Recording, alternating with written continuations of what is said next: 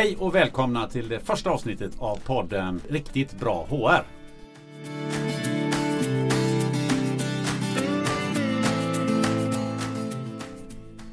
Med undertiteln Ibland skiter det sig. En podcast för dig som behöver hantera medarbetare. I studion idag så har vi Jakob Bergström och eh, Per Gunnarsson från företaget HR On Demand. Jag som ska försöka hålla ihop det här samtalet heter Gunnar Österreich. Eh, I det här första avsnittet så ska vi prata om vad som är riktigt bra HR egentligen. Men innan vi kommer in på det ämnet så måste vi ändå få bekanta oss med er, Jakob och eh, Per. Så kort, Jakob, eh, ta en hisspitch på dig själv. En hisspitch. Eh, Jakob Bergström heter jag. Jag är på Freedom Half som det kallas nu. Jag har jobbat i över 25 år med andra ord. Typ passerat mina 50. Personalvetare, civilekonom. Eh, har jobbat med det som kallas HR nu i, i ja, styrt 20 år helt enkelt. Och tycker det är skitkul. Och jobbar på HR On Demand. Ja, precis. Ja, härligt. Per? Ja, eh, Per Gunnarsson. Hej. Eh, Jag är född och uppvuxen i Lilla Edet och har som alla Edetsbor jobbat på fabriken och gjort toapapper. Därav eh, fick jag lite erfarenheter hur man kan göra och inte göra när det gäller HR. Och även där fanns då förebilden för det som senare blev HR Harald. Har eh, jobbat med HR i över 30 år och som konsult i snart 15 och är väl främst i, inriktad på att jobba med tillverkning, alltså saker man kan tappa på tårna. Men vem är HR Harald då? HR Harald är en eh, fiktion eller en figur som vi har uppfunnit för att visa eh, hur det är om man utgår ifrån att jag har rätt och du har fel. Det finns två sätt, mitt sätt och fel sätt. HR Harald har mitt sätt i alla lägen och det är för att ge en motvikt mot det annars ganska svåra och komplicerade arbetet som det är att jobba med HR. Mm, och du, HR, HR Harald lär vi ju eh, träffa på någon gång här i podden också tror jag va? Det kan finnas risk för det. Vi får se. Ja. Han finns på Youtube också va? Det lär han göra ja, precis. Surfa eller sök på HR Harald så dyker väl karskrället upp. Han, Ja, fö- det är det. han, han föddes för drygt 10 år sedan och redan då var han gammal kan man säga. Eh, Mm. och sen dess har han blivit äldre. Ja. Så att, eh, vi ser väldigt mycket fram emot nya visdomsord för honom.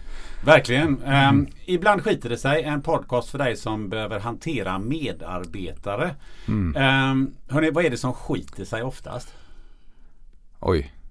Eh, ja, det är ju ganska, alltså det är ju lite med glimten i ögat sådär, ibland skiter sig. Det, det, är väl, eh, det gör ju det helt enkelt. Och, och det som oftast brukar skita sig, eh, det är ju hur människor beter sig. Eh, och, och när man eh, eh, Människor tänker så olika och ibland väldigt krokigt så att de gör konstiga saker. Det är väl att skita sig. Eller vad säger du? Eh, Jag skulle vilja säga att man har olika sätt att se på saker och ting. Ja. Och det beror ju på från vilket håll man tittar. Det finns en jättebra bild på det när det står en person på oppansidan. En symbol och den andra står på nedsidan. Det är en nia eller en sexa beroende på från vilket håll man tittar. Och det är en Ja. väldigt tydligt eh, så det ofta blir när det skiter sig. Man tittar på saker utifrån olika perspektiv. Är det lite essensen i eh, eh, hur svårt det kan vara med HR? Ja, jag skulle säga. Det är ju liksom en del av, av det som eventuellt kan vara en skick, skicklighet eller en kompetens. Det är att försöka förstå eh, lite grann som, eh, eh, som Ronja Rövardotter och de härliga rumpnissarna där. Som ställer sig frågan varför då? då? Varför då? Varför gör de på detta viset? Och, och kan man liksom bottna lite mer i det där eh, så är det enklare men det är fortfarande väldigt svårt. Eh, och det skiter sig ofta då när man har bestämt sig för att eh, eh, så här tänker de nog och så visar det sig att det var inte alls så. Lite grann kring eh, de här eh, frågeställningarna och en massa annat så kommer vi Mm. att ta upp i de, i de kommande avsnitten. Mm. Eh, men vad skulle ni säga? Vem riktar sig den här podden till i första hand? Hur skulle du beskriva den personen? Ja, vi vänder oss ju till den personen som sitter ute på ett företag och försöker hålla ihop verksamheten. Det kan vara en VD, det kan vara en ekonomichef, det kan vara en arbetsledare. Ett fackligt ombud skulle det också kunna vara. Fast Mm. de vanligaste som ringer till oss är ju eh, chefer, ska man säga, VD, ibland ägare och andra som inser att hade nog varit bra att ha någon att prata med i detta läget. Mm. Mm. Ja det, det, absolut, det kan jag tänka mig. Sen så hoppas jag också, vi har jobbat några, några år ihop eh, och eh, totalt sett eh, Eh, gjort eh, gott och väl våra 10 000 timmar kan man säga. Så att om det finns en och annan HR-student där ute som, som vill veta hur, hur det är på riktigt då, så, så hoppas vi att man kan få med sig lite grann av, av våra erfarenheter. Eh, ja, och vi hoppas ju på att få se gäster här framöver i, i podden som kan dela med sig. För att eh, även fall just HR har alla svar på allting så, så har inte vi det. Men vi har ganska mycket erfarenhet att dela med oss av. Ja, vi har gjort många år eller 10 000 timmar som du säger och det händer alltid saker när man är ute på uppdrag eller historiskt då när man har suttit som ansvarig chef för en, en avdelning eller mm. som HR-chef på ett större eller mindre bolag och det finns väldigt olika sätt hur man jobbar med HR beroende på vilken typ av företag det är, vilken bransch, är man eh, internationell och så vidare och så finns det och det avgör mycket hur du ska möta uppåt och neråt så att säga i hierarkin. Eh, det är ju så här att eh, om vi, om vi då har den här lite edgiga eh, titeln att ibland skiter det sig. Va? Så ska vi också bjuda på misstag. Ja. Och, och, vi ska locka andra till att bjuda på sina misstag. Ja, och var ska man börja då om inte bäst hos sig själv? Mm. Så att Jakob, kan du ge en story här nu. När har det skitit sig på riktigt för dig? Ja, alltså eh, eh, eftersom jag är eh, också är företagare, och entreprenör, så kan jag säga så här att jag gjorde en felbedömning ordentligt kopplat till pandemin som var nu. Och jag trodde ju att efter den första vågen av corona, covid, när vi var hemma till en början där och, och folk Eh, det kan vi prata om en annan gång. Jag blir irriterad. Man, man betalar folk får inte jobba när vi hade kris med denna grej. Men då tänkte jag att nu är det nog över. Så att, eh, och jag såg att, att vårt område HR var ju ett evigt område. Nu skulle det bli mer än någonsin göra om HR. Så jag anställde upp nytt folk. Nya medarbetare. Eh, men då kom andra vågen och sen kom ännu värre tredje vågen. Och, och det gjorde med den verksamhet vi hade som vi bygger väldigt mycket på att träffa människor faktiskt. Och bygga relationer. Det funkade inte. Så jag, det var liksom en eh, Ja det var ett misstag helt enkelt. Jag skulle aldrig anställt någon eh, i det läget förrän jag visste bättre. Å andra sidan hade jag inte gjort det så hade jag inte lärt mig. Eh, och... Vad ska jag säga? Jag, jag kan ta en, en, jag vet inte om det var så mycket fel men eh, tidigt eh, mm. när vi jobbade och tog in mm. nya konsulter ja. i vår verksamhet ja.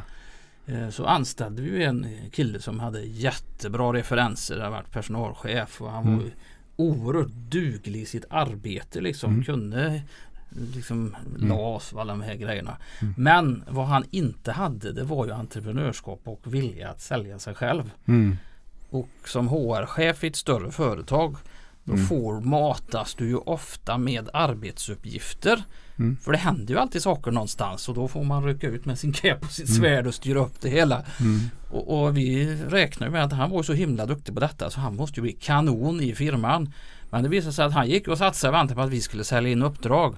Mm. Och, och, det är ju ett sånt klassiskt eh, misstag som man gör i en liten verksamhet och som är så svårt när du ska byta från att vara en otroligt duktig yrkesman, kvinna och sen dessutom lägga på det att du ska liksom bevisa det och gå ut och sälja det till nya människor att det här är jag faktiskt. Och det blir slint hos en del människor alltså trots att de har mycket kunskap och liksom kan hantverket så oerhört väl så fixar de inte att tala om att det här är jag bra på.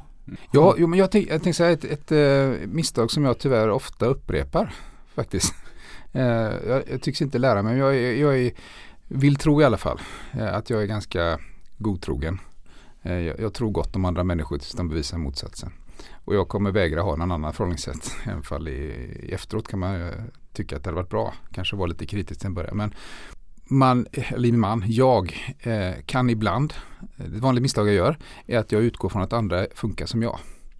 Eller att, att andra har samma kapacitet som jag inom ett visst område och så är det ju inte, vi är olika. Och, och dels så, så man tycker hur svårt ska det vara? Alltså fattar inte du? Liksom, jag förstår ju, jag behöver inte ens eh, vad som ska göras medan det för någon annan då kan vara helt omöjligt att förstå. Det här avsnittet det heter ju vad är bra HR egentligen? Mm. Um, och då tycker jag vi ska börja med att definiera vad är HR? Men eh, vad, vad, HR är för någonting? Vi kan väl säga att eh, anställa, utveckla, avveckla brukar vi prata om. Eh, det är tre viktiga ord i HR. Att man har det för att man ska anställa rätt personer, man ska utveckla rätt medarbetare eller medarbetare och man ska vid behov också avveckla. Så det är väl det som Ja, och man kan säga som så att eh, det man har fokus på som mm. chef eller HR-ansvarig det är ju att 10% går åt till att anställa, 8 till att utveckla och 10 till att avveckla skulle man kunna säga för att göra det väldigt enkelt för att se liksom var tyngden ligger i ja, men det är jätteintressant. bra arbete. För, Människan ja. som resurs, human resources. Det känns mm. lite sådär industriellt mm. i mina öron. Ja, alltså det, det, jag vet inte exakt svaret på det men det kom ju till någon gång under slutet eh, eller början 90-talet skulle jag vilja säga. Ehm, eh, som begrepp, vedertaget begrepp även i Sverige eller internationellt. Förmodligen engelskt eller amerikanskt såklart. Men i en tid då man be, behövde mäta även eh, mjuka insatser. Alltså man be, ville börja sätta eh, mål på hur, hur gick alla slags arbeten. Och då blev det naturligtvis resurs eller humankapital pratar man finns ju de som till och med har försökt få in det i redovisning. Alltså hur ska vi redovisa på balansräkningen vilket kapital har vi i form av mänskliga resurser då eller kompetens. Kan man göra det? Balansräkning på det sättet? Ja, du får ju inte in den i traditionell balansräkning. Mm. Nu har man ju satt krav via vad heter det, på årsredovisningar att man ska lägga in eh, sjukfrånvaro och sånt där för att på något sätt skaffa ett mätetal för bolag som sökande då ska kunna titta på och se är det här ett bra eller dåligt företag. Tyvärr så är ju det som så mycket andra siffror väldigt dåligt mått på hur företaget mår. Liksom. Mm. Kulturen eller vad vi ska kalla det för. Alltså, det pratar ju ofta om företagskultur. Va? Och det spelar ju egentligen ingen roll vilka checka strategier du ritar på tavlan på morgonen. För företagskulturen mal ju ner det ganska fort. Om det är en dålig eller bra kultur beroende på hur man definierar det då. Men vad är det HR ska ha koll på i grunden? Ja, att du har rätt person på rätt plats vid varje givet tillfälle för att få ett starkt och bra resultat på sista raden. Vi får göra det så enkelt för att från någonstans måste vi ju mm. börja och sen finns det ju då ett antal olika verktyg för att nå dit. Mm. Det är ju egentligen det som är HRs uppgift att hitta rätt verktyg i verktygslådan för att åstadkomma de här eh, personernas rätta eh, placering och så vidare. Va? Men ska de inte hålla reda på massa regler och föreskrifter och avtal och en massa sådana grejer? Är inte det HRs uppgift också? Jo, det kan man ju säga. Det är ja. basen i. Ja det är ju oerhört viktigt naturligtvis mm. Eh, och ju mer stök det är i en organisation som det heter nu för tiden så, så blir det ju viktigare att hålla reda på regelverket då. Och jag brukar ju skoja med ekonomerna då att eh, du har ju bara tre lagar att hålla ordning på. Va? Så vi har ju mer än tio gånger så många. Plus kollektivavtal och mm. Arbetsmiljöverkets författningssamling. Så du, liksom, ditt jobb är inte ett dugg lättare. Nej, och det som gör det svårt i vårt yrke tänker jag att eh, ja, men vi har ju hur mycket förordningar och, över 170-180 kollektivavtal bara i Sverige och Arbetsmiljöverket ska vi inte prata om alla författningar som finns mm. där. Och, Eh, råd och rekommendationer och riktlinjer och, och sådär. Mycket är väldigt bra kan man säga. Sen lagstiftning som är ganska tung. Men det är väldigt få, eh, eller väldigt få, ska jag säga, väldigt, väldigt många tillfällen då det ändå är, finns, är öppet till tolkning. Det beror liksom på. Så det är en svårighet kan jag uppleva eh, när man jobbar som HR och ska ge tydliga svar. För det kan man, kan man liksom inte alltid göra. Det är ju värsta som finns när man ska ta del av en tjänst eller och få svaret det beror på kan inte bara tala om för mig vad jag ska göra men det, det, kan man ju inte alltid göra. Nej och jag ja. skulle vilja säga så här att utifrån detta då så brukar jag alltid ställa en motfråga när man får ett, en, en fråga från en chef eller så vidare. Att kan jag göra så här? Mm. Och då brukar jag alltid fråga men vad vill du ha gjort då? Vill uppnå ja. ja. Mm. Alltså, vart ska du nå med det du har tänkt att göra? För det finns alltid flera vägar att nå dit om vi då tittar på de regler som finns. Och ibland mm. är det så att den här personen har suttit och finulat ut på att om jag gör så här, så här, så här så kommer man till en valsituation och där vet de inte hur de ska agera och då ringer man exempelvis mig och frågar kan jag göra så här? Och, och då har jag ju ingen aning om vad vederbörande vill uppnå. Då måste du ställa den frågan för det kan visa sig att den olika händelserna som han eller hon har fantiserat ihop är kanske helt fel sätt att gå tillväga från början.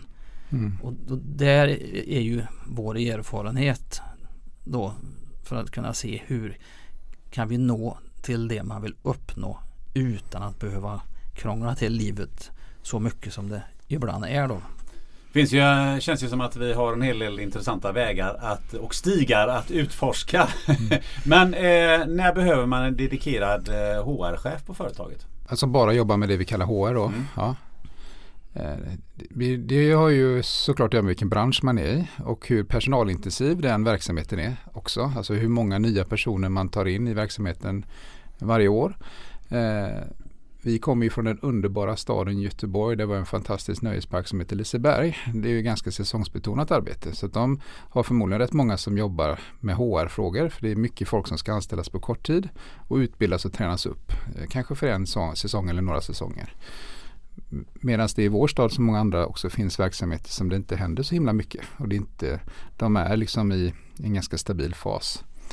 Men eh, olika nyckeltal har vi hört. Runt 50 personer i en verksamhet. Då, då börjar det bli tillräckligt. Eh, då är det ofta fem som börjar och fem som slutar. Det är tio, tio sådana ärenden om året som, som man kan välja att, att göra själv. Eh, men det finns inget e-, exakt absolut svar. Uh, nej, det gör ju inte det. Alltså det är väldigt verksamhetsbetonat naturligtvis. Mm. Vi har pratat om att man ska behöva vara ungefär 100 anställda för att ha en HR på heltid. Men det beror ju också på vilken typ av verksamhet det är. Vad är det en verkstadsindustri med fem tjänstemän och mm. 90 eh, stycken kollektivare. Då behövs det ju troligtvis en heltids-HR tidigare. Varför det? Därför att kollektivsidan har mycket mera frågor att hantera framförallt när det gäller arbetsmiljö skulle jag vilja säga. Eh, där är ju lagstiftning och regelverk väldigt genomarbetad. Till skillnad mot eh, när det gäller tjänstemän. Om det sitter hundra tjänstemän och, mm. och, ritar på båtar eller vad man nu kan tänka sig göra. Så det händer ju inte så mycket liksom. Det är inte, inga maskiner som står och går och, och oljor och farliga ämnen och så vidare. Utan man skär sig på papperskanten i värsta fall. Men om man har ju datorer så inte ens det liksom. Eh, Nej, men det är en annan grej också. Så alltså, det, det, det finns ingen som jobbar med HR som kan allt. Eh, så, så och verk, olika verksamheters behov ändras lite grann över tid. Så om en verksamhet befinner sig i en kraftig omställningsfas, eh, behöver förändras på något sätt, och då behöver den HR-kompetens. Är du i en tillväxtfas där du ska rekrytera en massa människor, ja, men då måste du ha ganska duktig rekryteringskompetens. Eh, är du en verksamhet som, som av olika skäl drabbas av eh, en hög arbetsbelastning över lång tid där människor blir dåliga eller sjuka eller om man taskig, ja, men då behöver du ha någon som är duktig på arbetsmiljö, hälsa eller rehabilitering eller vad det är. Eh, och vårt skrå är så stort. Det är ju, HR-skrået är ju jättestort. Mm. Så det finns ju många specialister inom vårt område som är jätteduktiga på, på saker och ting.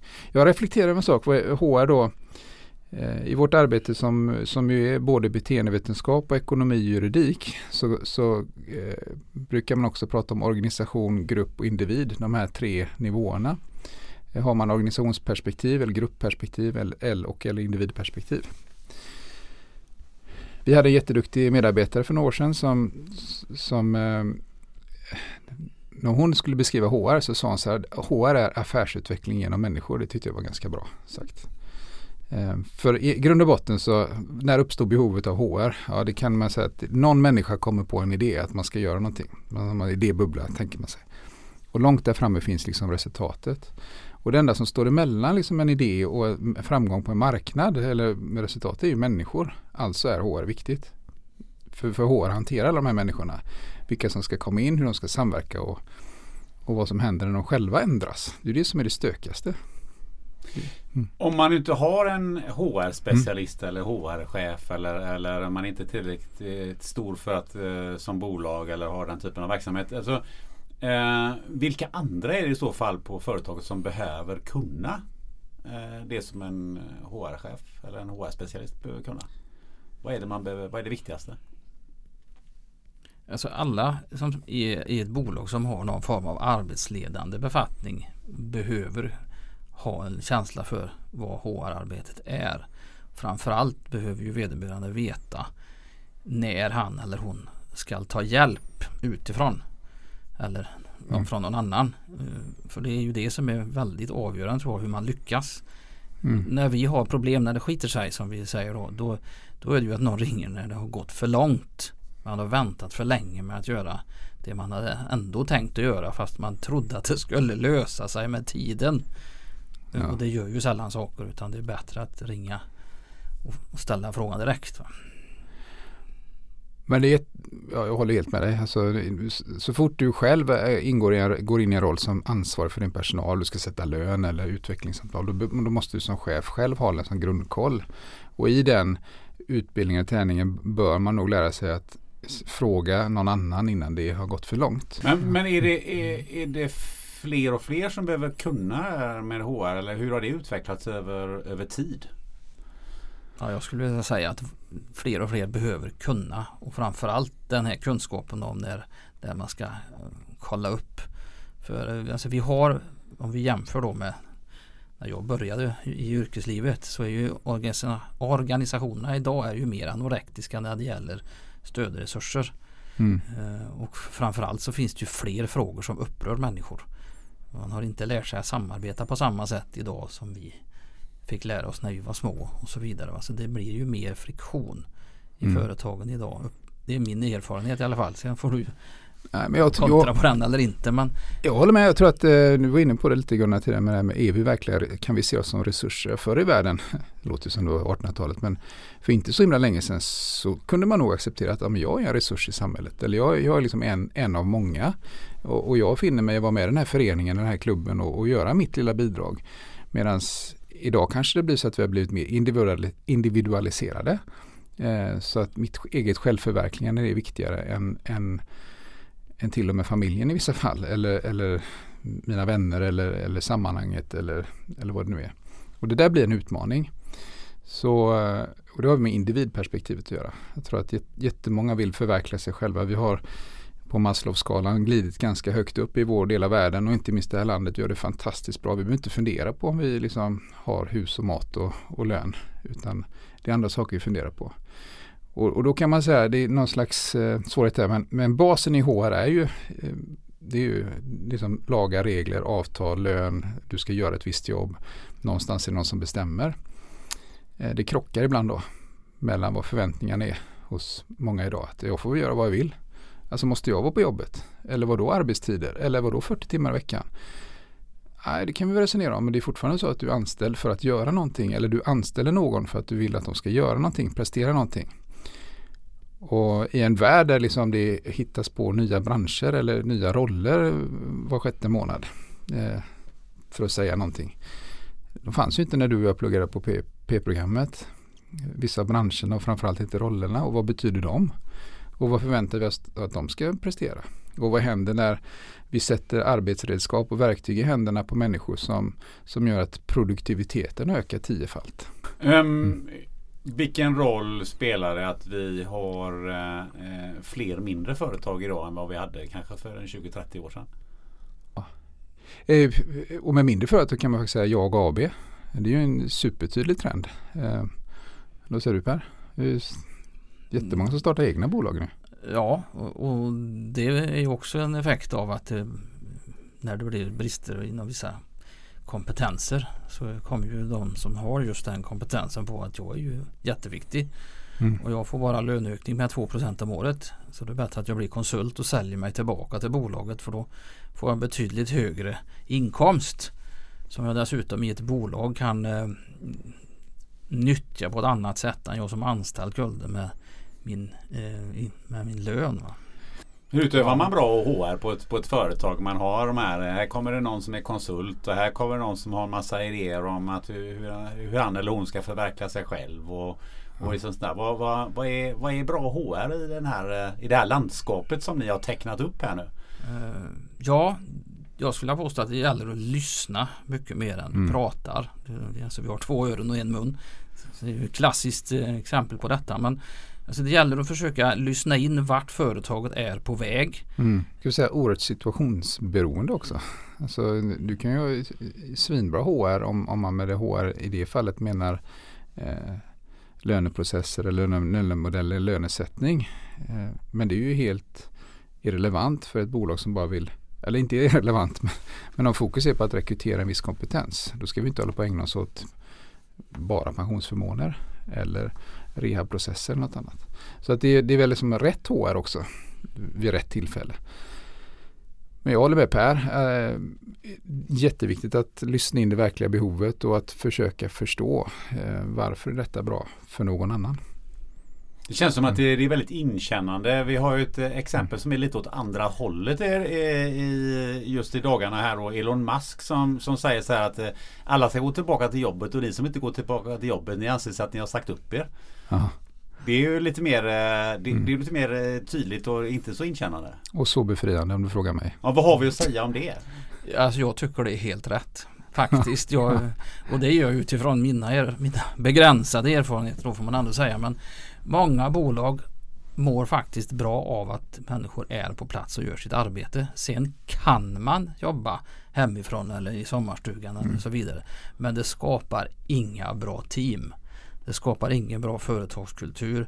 Det har jättesvårt med samarbete. Mm. Eh, jag har ju sett det, jag har haft ett långt uppdrag på ett eh, bolag här när man under pandemin lät några jobba hemma och de flesta fick faktiskt vara kvar på arbetsplatsen för det gick inte att utföra de arbetsuppgifterna hemma. Eh, och då sitter alltså människor som har valt att jobba hemma och ringer in och ber de som är kvar på jobbet att kan du fixa det, kan du fixa det? Mm. Och det innebär ju att då upplever de som är kvar på arbetsplatsen att man blir något tjänstehjon till, till mm. de där frifräsarna som sitter hemma och dricker kaffe och, och har det gött liksom. Jag, kan, jag, jag pratade med en av mina kunder så sent som idag. Eh, han är då det är en han och eh, äger bolaget och kan man väl säga. Och eh, otroligt arbetskapacitet. Han jobbade hemifrån idag. Och han, han vill ju gärna till jobbet. För han känner att jag, jag, det är precis som att jag kan inte koncentrera mig så bra hemma. För det är så mycket annat som pockar på det. Och jag är likadan. Och jag tror att väldigt många är det. Och, och om de säger att de inte är det så, så ljuger de faktiskt eller, eller vill inte se det. Det är klart att det är svårt. Det är jättemånga som har vittnat om hur svårt det är att hålla koncentrationen uppe under pandemin hemifrån när barnen kommer och frågar om varför wifi inte funkar eller hackar eller, eller när får jag lunch eller mat. Eller, det blir inte lika effektivt för alla. För några är det jätteeffektivt, för mig själv också eh, i perioder.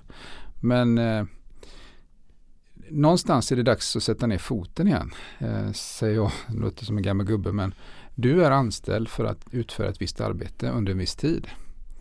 Um, och då kan man säga så här, det är enkelt att säga som förstår sig på att ja, men det är chefernas ansvar att, att följa upp vad som ska presteras och göras. Men när, när, så mycket av vårt arbete idag i det moderna kunskapssamhället handlar om att eh, faktiskt inte behöva instruera människor vad de ska göra.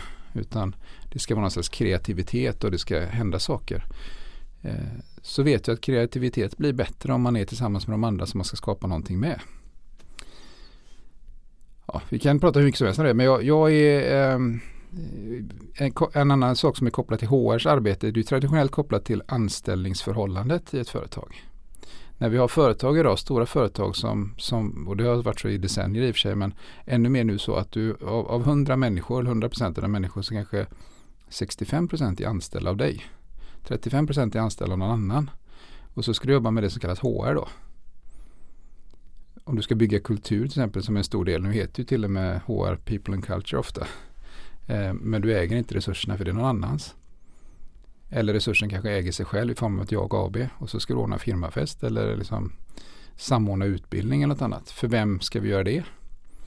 Så det är massa utmaningar. Eh, varför är det så svårt att få människor att komma tillbaka till, till jobbet när de har jobbat hemma? För det har jag ju, har jag ju upplevt mm. och det, har ju, mm. nästan, det, det pekar ju ja. vår diskussion här till. Varför är det så svårt? Ja, vi är vanemänniskor till stor del. Mm.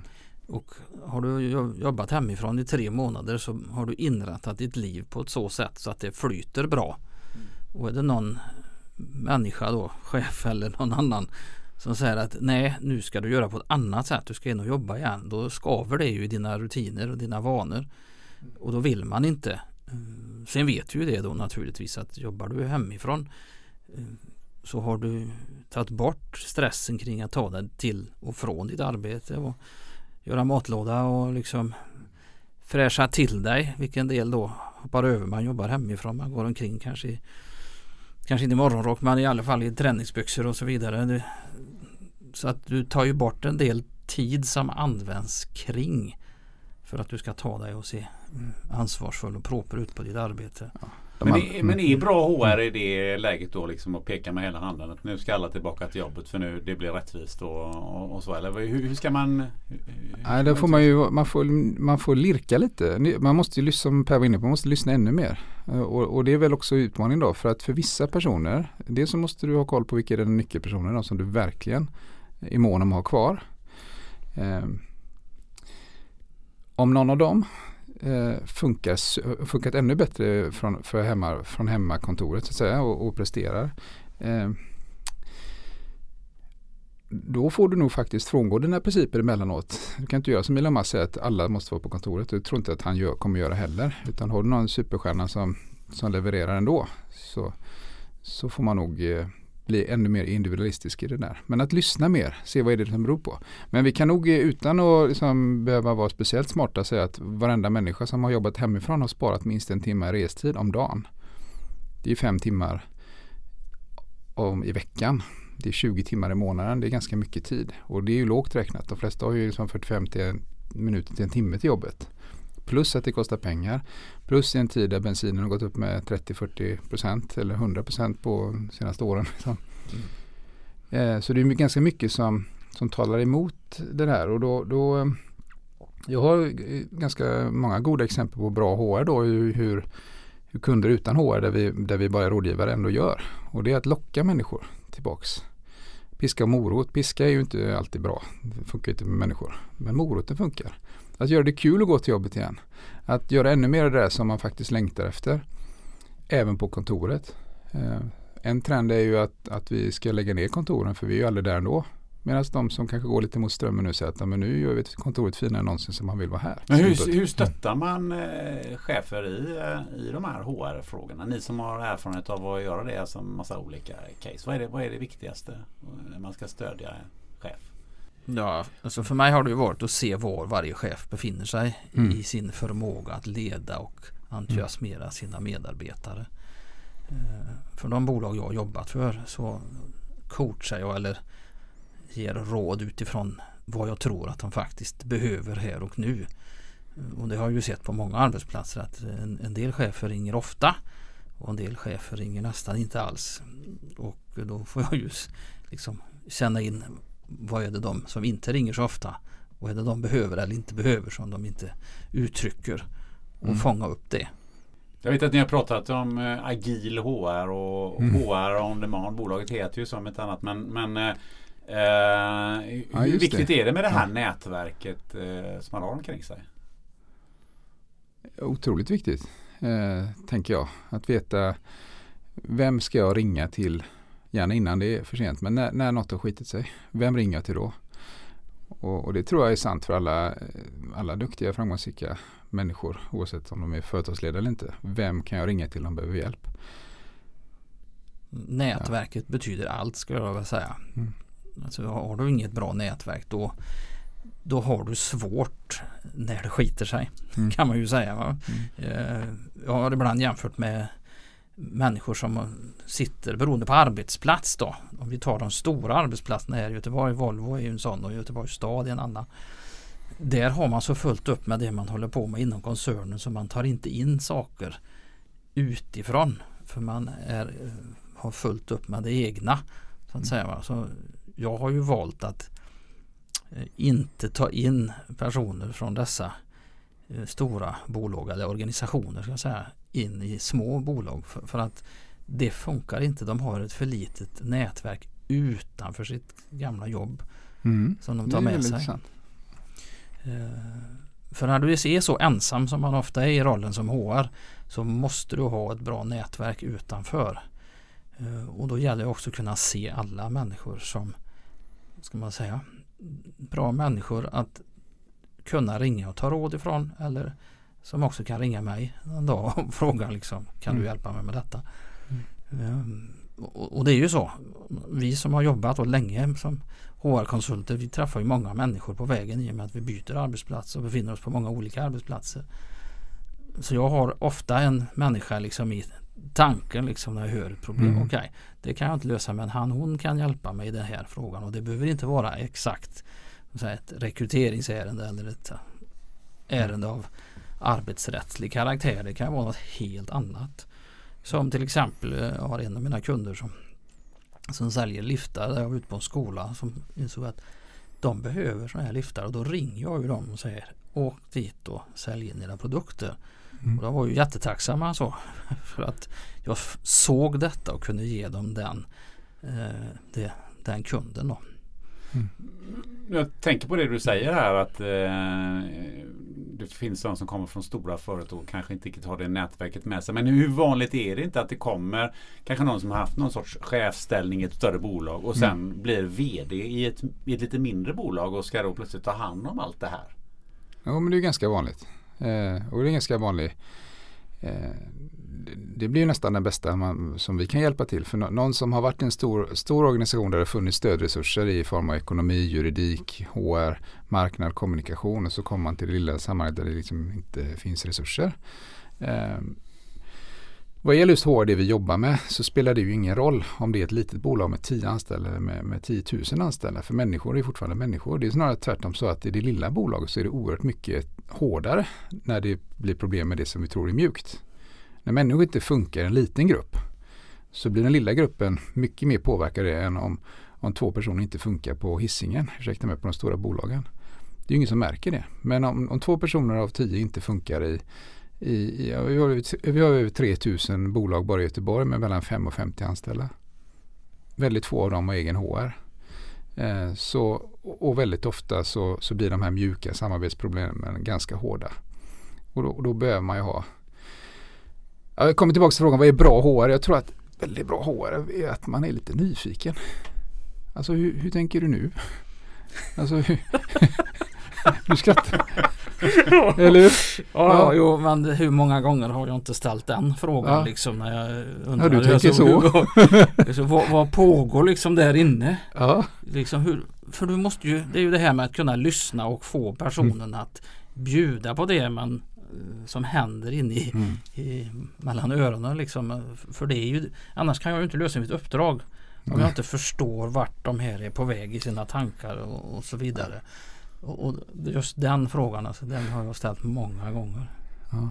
Är det rätt hänt att man liksom sitter på sin kammare och så ska man klura man ut någonting som, som chef? Att så här skulle jag ju kunna göra. Så, ja, det, det, är nog många som gör. För många chefer är ju också ensamma. Det är ju inte alltid man har lust att gå till någon i organisationen med det man funderar över.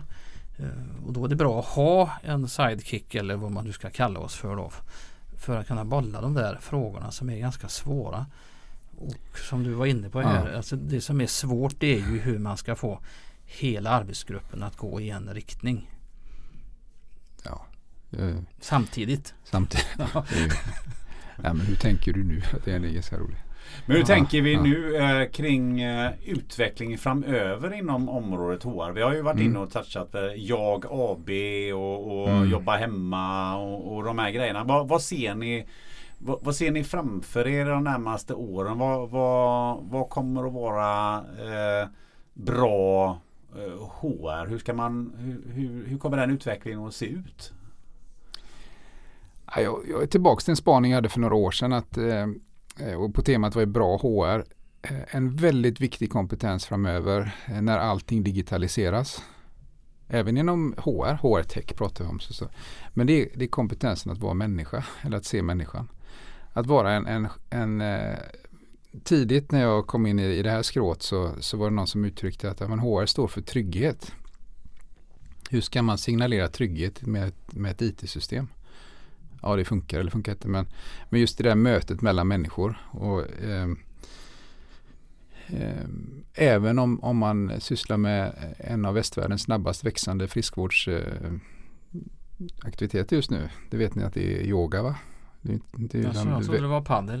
Ja, padel är ju enormt stort här och i Spanien då. Men, men yoga worldwide växer ju enormt mycket och det finns ju en förklaring till det. Det är ju ganska mycket mindfulness handlar jättemycket om mig själv men, men man gör det ofta tillsammans med andra.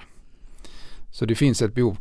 Ehm, um, så, så, att stå för trygghet och att, att, uh, att se mig, där, där, tror jag att HR kanske, uh, två saker. Ehm, um, HR kommer också bli ännu mer specialiserat tror jag. Så att man blir riktigt duktig på någon, någonting vilket uh, kan vara svårt. Uh, för många vill jobba brett.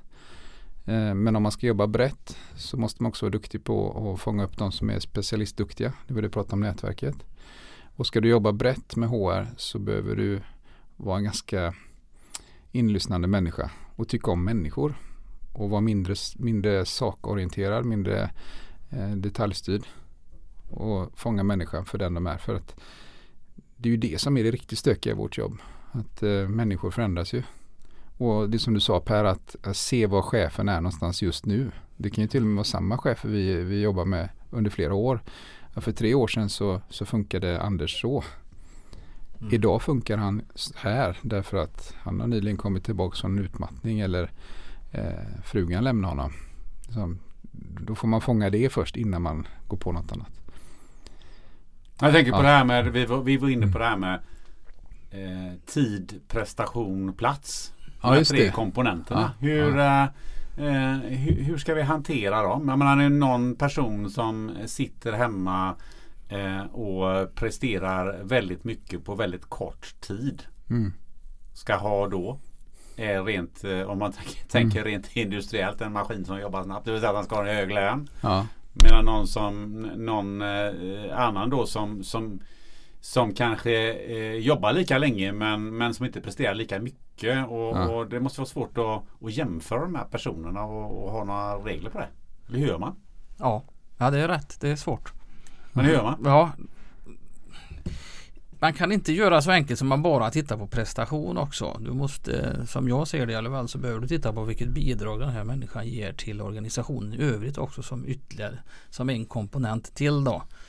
För den här människan som du sa som kanske inte får ut så mycket på samma tidpunkt kanske bidrar väldigt mycket annat till att organisationen faktiskt fungerar. Alltså det som jag skämtsamt eh, kallar för shit-människor. Alltså som ser till att livet fungerar. Som gör det där lilla extra. Va? Fixar kaffe, eh, vad heter bryggan och tar ut och så vidare. Och, och, och gör det där lilla som behöver göras. Och som vet var proppskåpet sitter när strömmen går. Mm. Det, är de, det är de där små grejerna som faktiskt man måste väva in också och som tyvärr eh, är på eh, utåtgående. Jag tänker en annan sak är hur, hur på vilka kriterier kommer man att anställa människor eh, framöver? Är det, på, mm. är det någon som ska vara shitmänniska och någon som ska vara högpresterande och någon som är något annat? Eller ska man liksom hitta med Kinderägg-människorna som både har kittet och, och prestationen? Eller vad, liksom, eller vad, har man för, vad har man för strategi? Oj, jag läste ju en god bok för 15-20 år sedan som heter Good to Great då, eh, som många har läst. Eh, som handlar egentligen om vad skiljer på riktigt framgångsrika bolag med, med, bara framgångsrika bolag. Och då sa de ju att det var rätt människor då. Och där någonstans så, så sätter man också ord på eh, och det vet inte så hire for attitude och train for skill sa man. Så att redan då börjar man prata om att det är rätt attityd man vill, vill eh, rekrytera in. Men om vi ska vara ärliga och titta på hur rekrytering fungerar idag, särskilt i, i yrken där, där det saknas specifik kompetens, så rekryteras det bara, eller väldigt mycket på CV då. Enklast är att titta på IT-branschen. Man tittar på de som har en viss examen, fast eh, nu kanske de inte ens har examen utan de har gått någon kurs och så har de lärt sig, eh, kallar de sig till exempel front-end designer och så kan de F-sharp, eh, tror jag det heter. och, och, så är det det man rekryterar på. Och så kommer liksom personligheten i andra hand. Eh, så jag, jag, har inget bra svar på det men jag, jag, tror att det är alltid viktigare att rekrytera en människa med rätt inställning eh, till uppgiften och med rätt förmåga. Då. Det tror jag. Vad tror du Per? Man kan ju alltid lära sig något eller vissa saker kan man lära sig. Ja det mesta kan man ju lära sig. Ja. Sen är ju frågan då om du pratar om CV. Alltså vissa saker kan du inte lära dig på kort tid. Nej. Eh, så att då måste du gå på den, den faktiska kompetensen om den mm. är av nyckelkaraktär. Som du var inne på här. Men du kan ju inte anställa någon som är helt fel i, i, i kulturen ändå liksom. För det blir problem. Mm. Om du tar in folk som är klart utanför det gällande normsystemet du har på, på bolaget.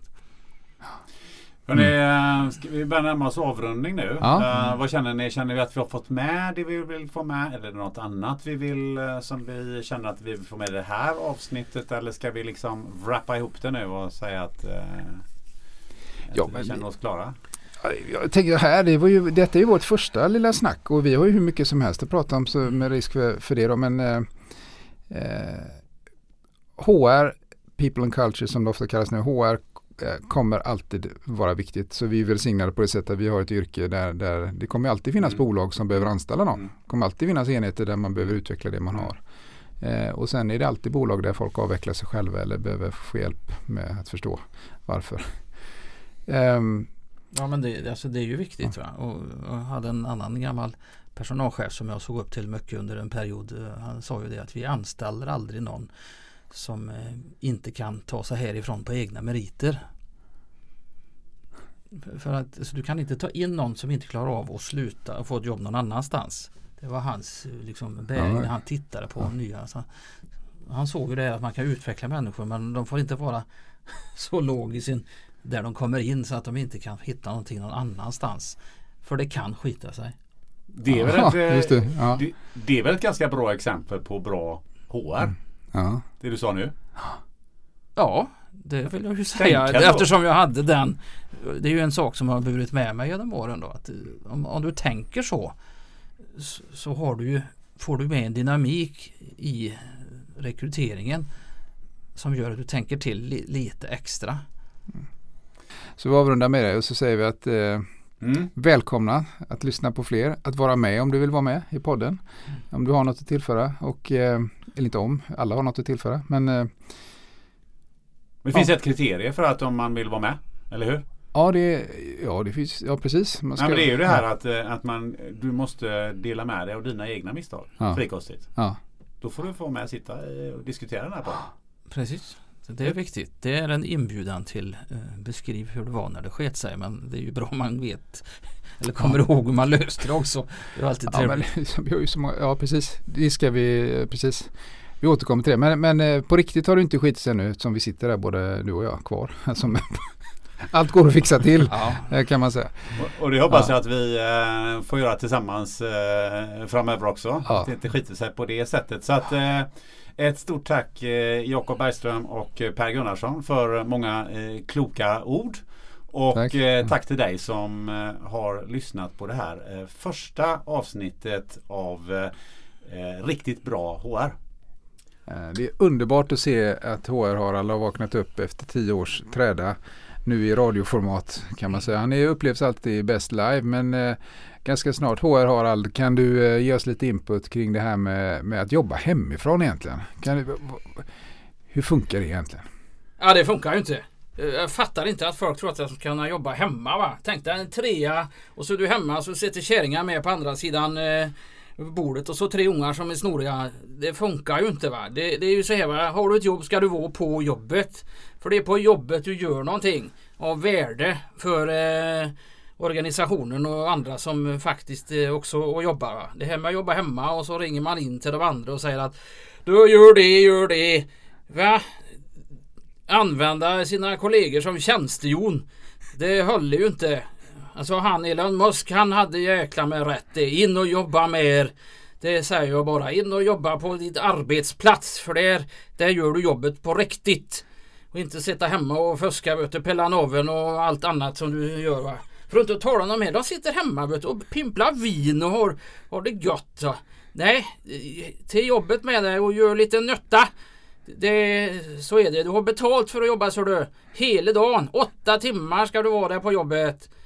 Åtta timmar alltså. Inklusive lunch. Och det äter du på jobbet. Medhavd lunch är bra. Med tallriksmodellen ska du ha.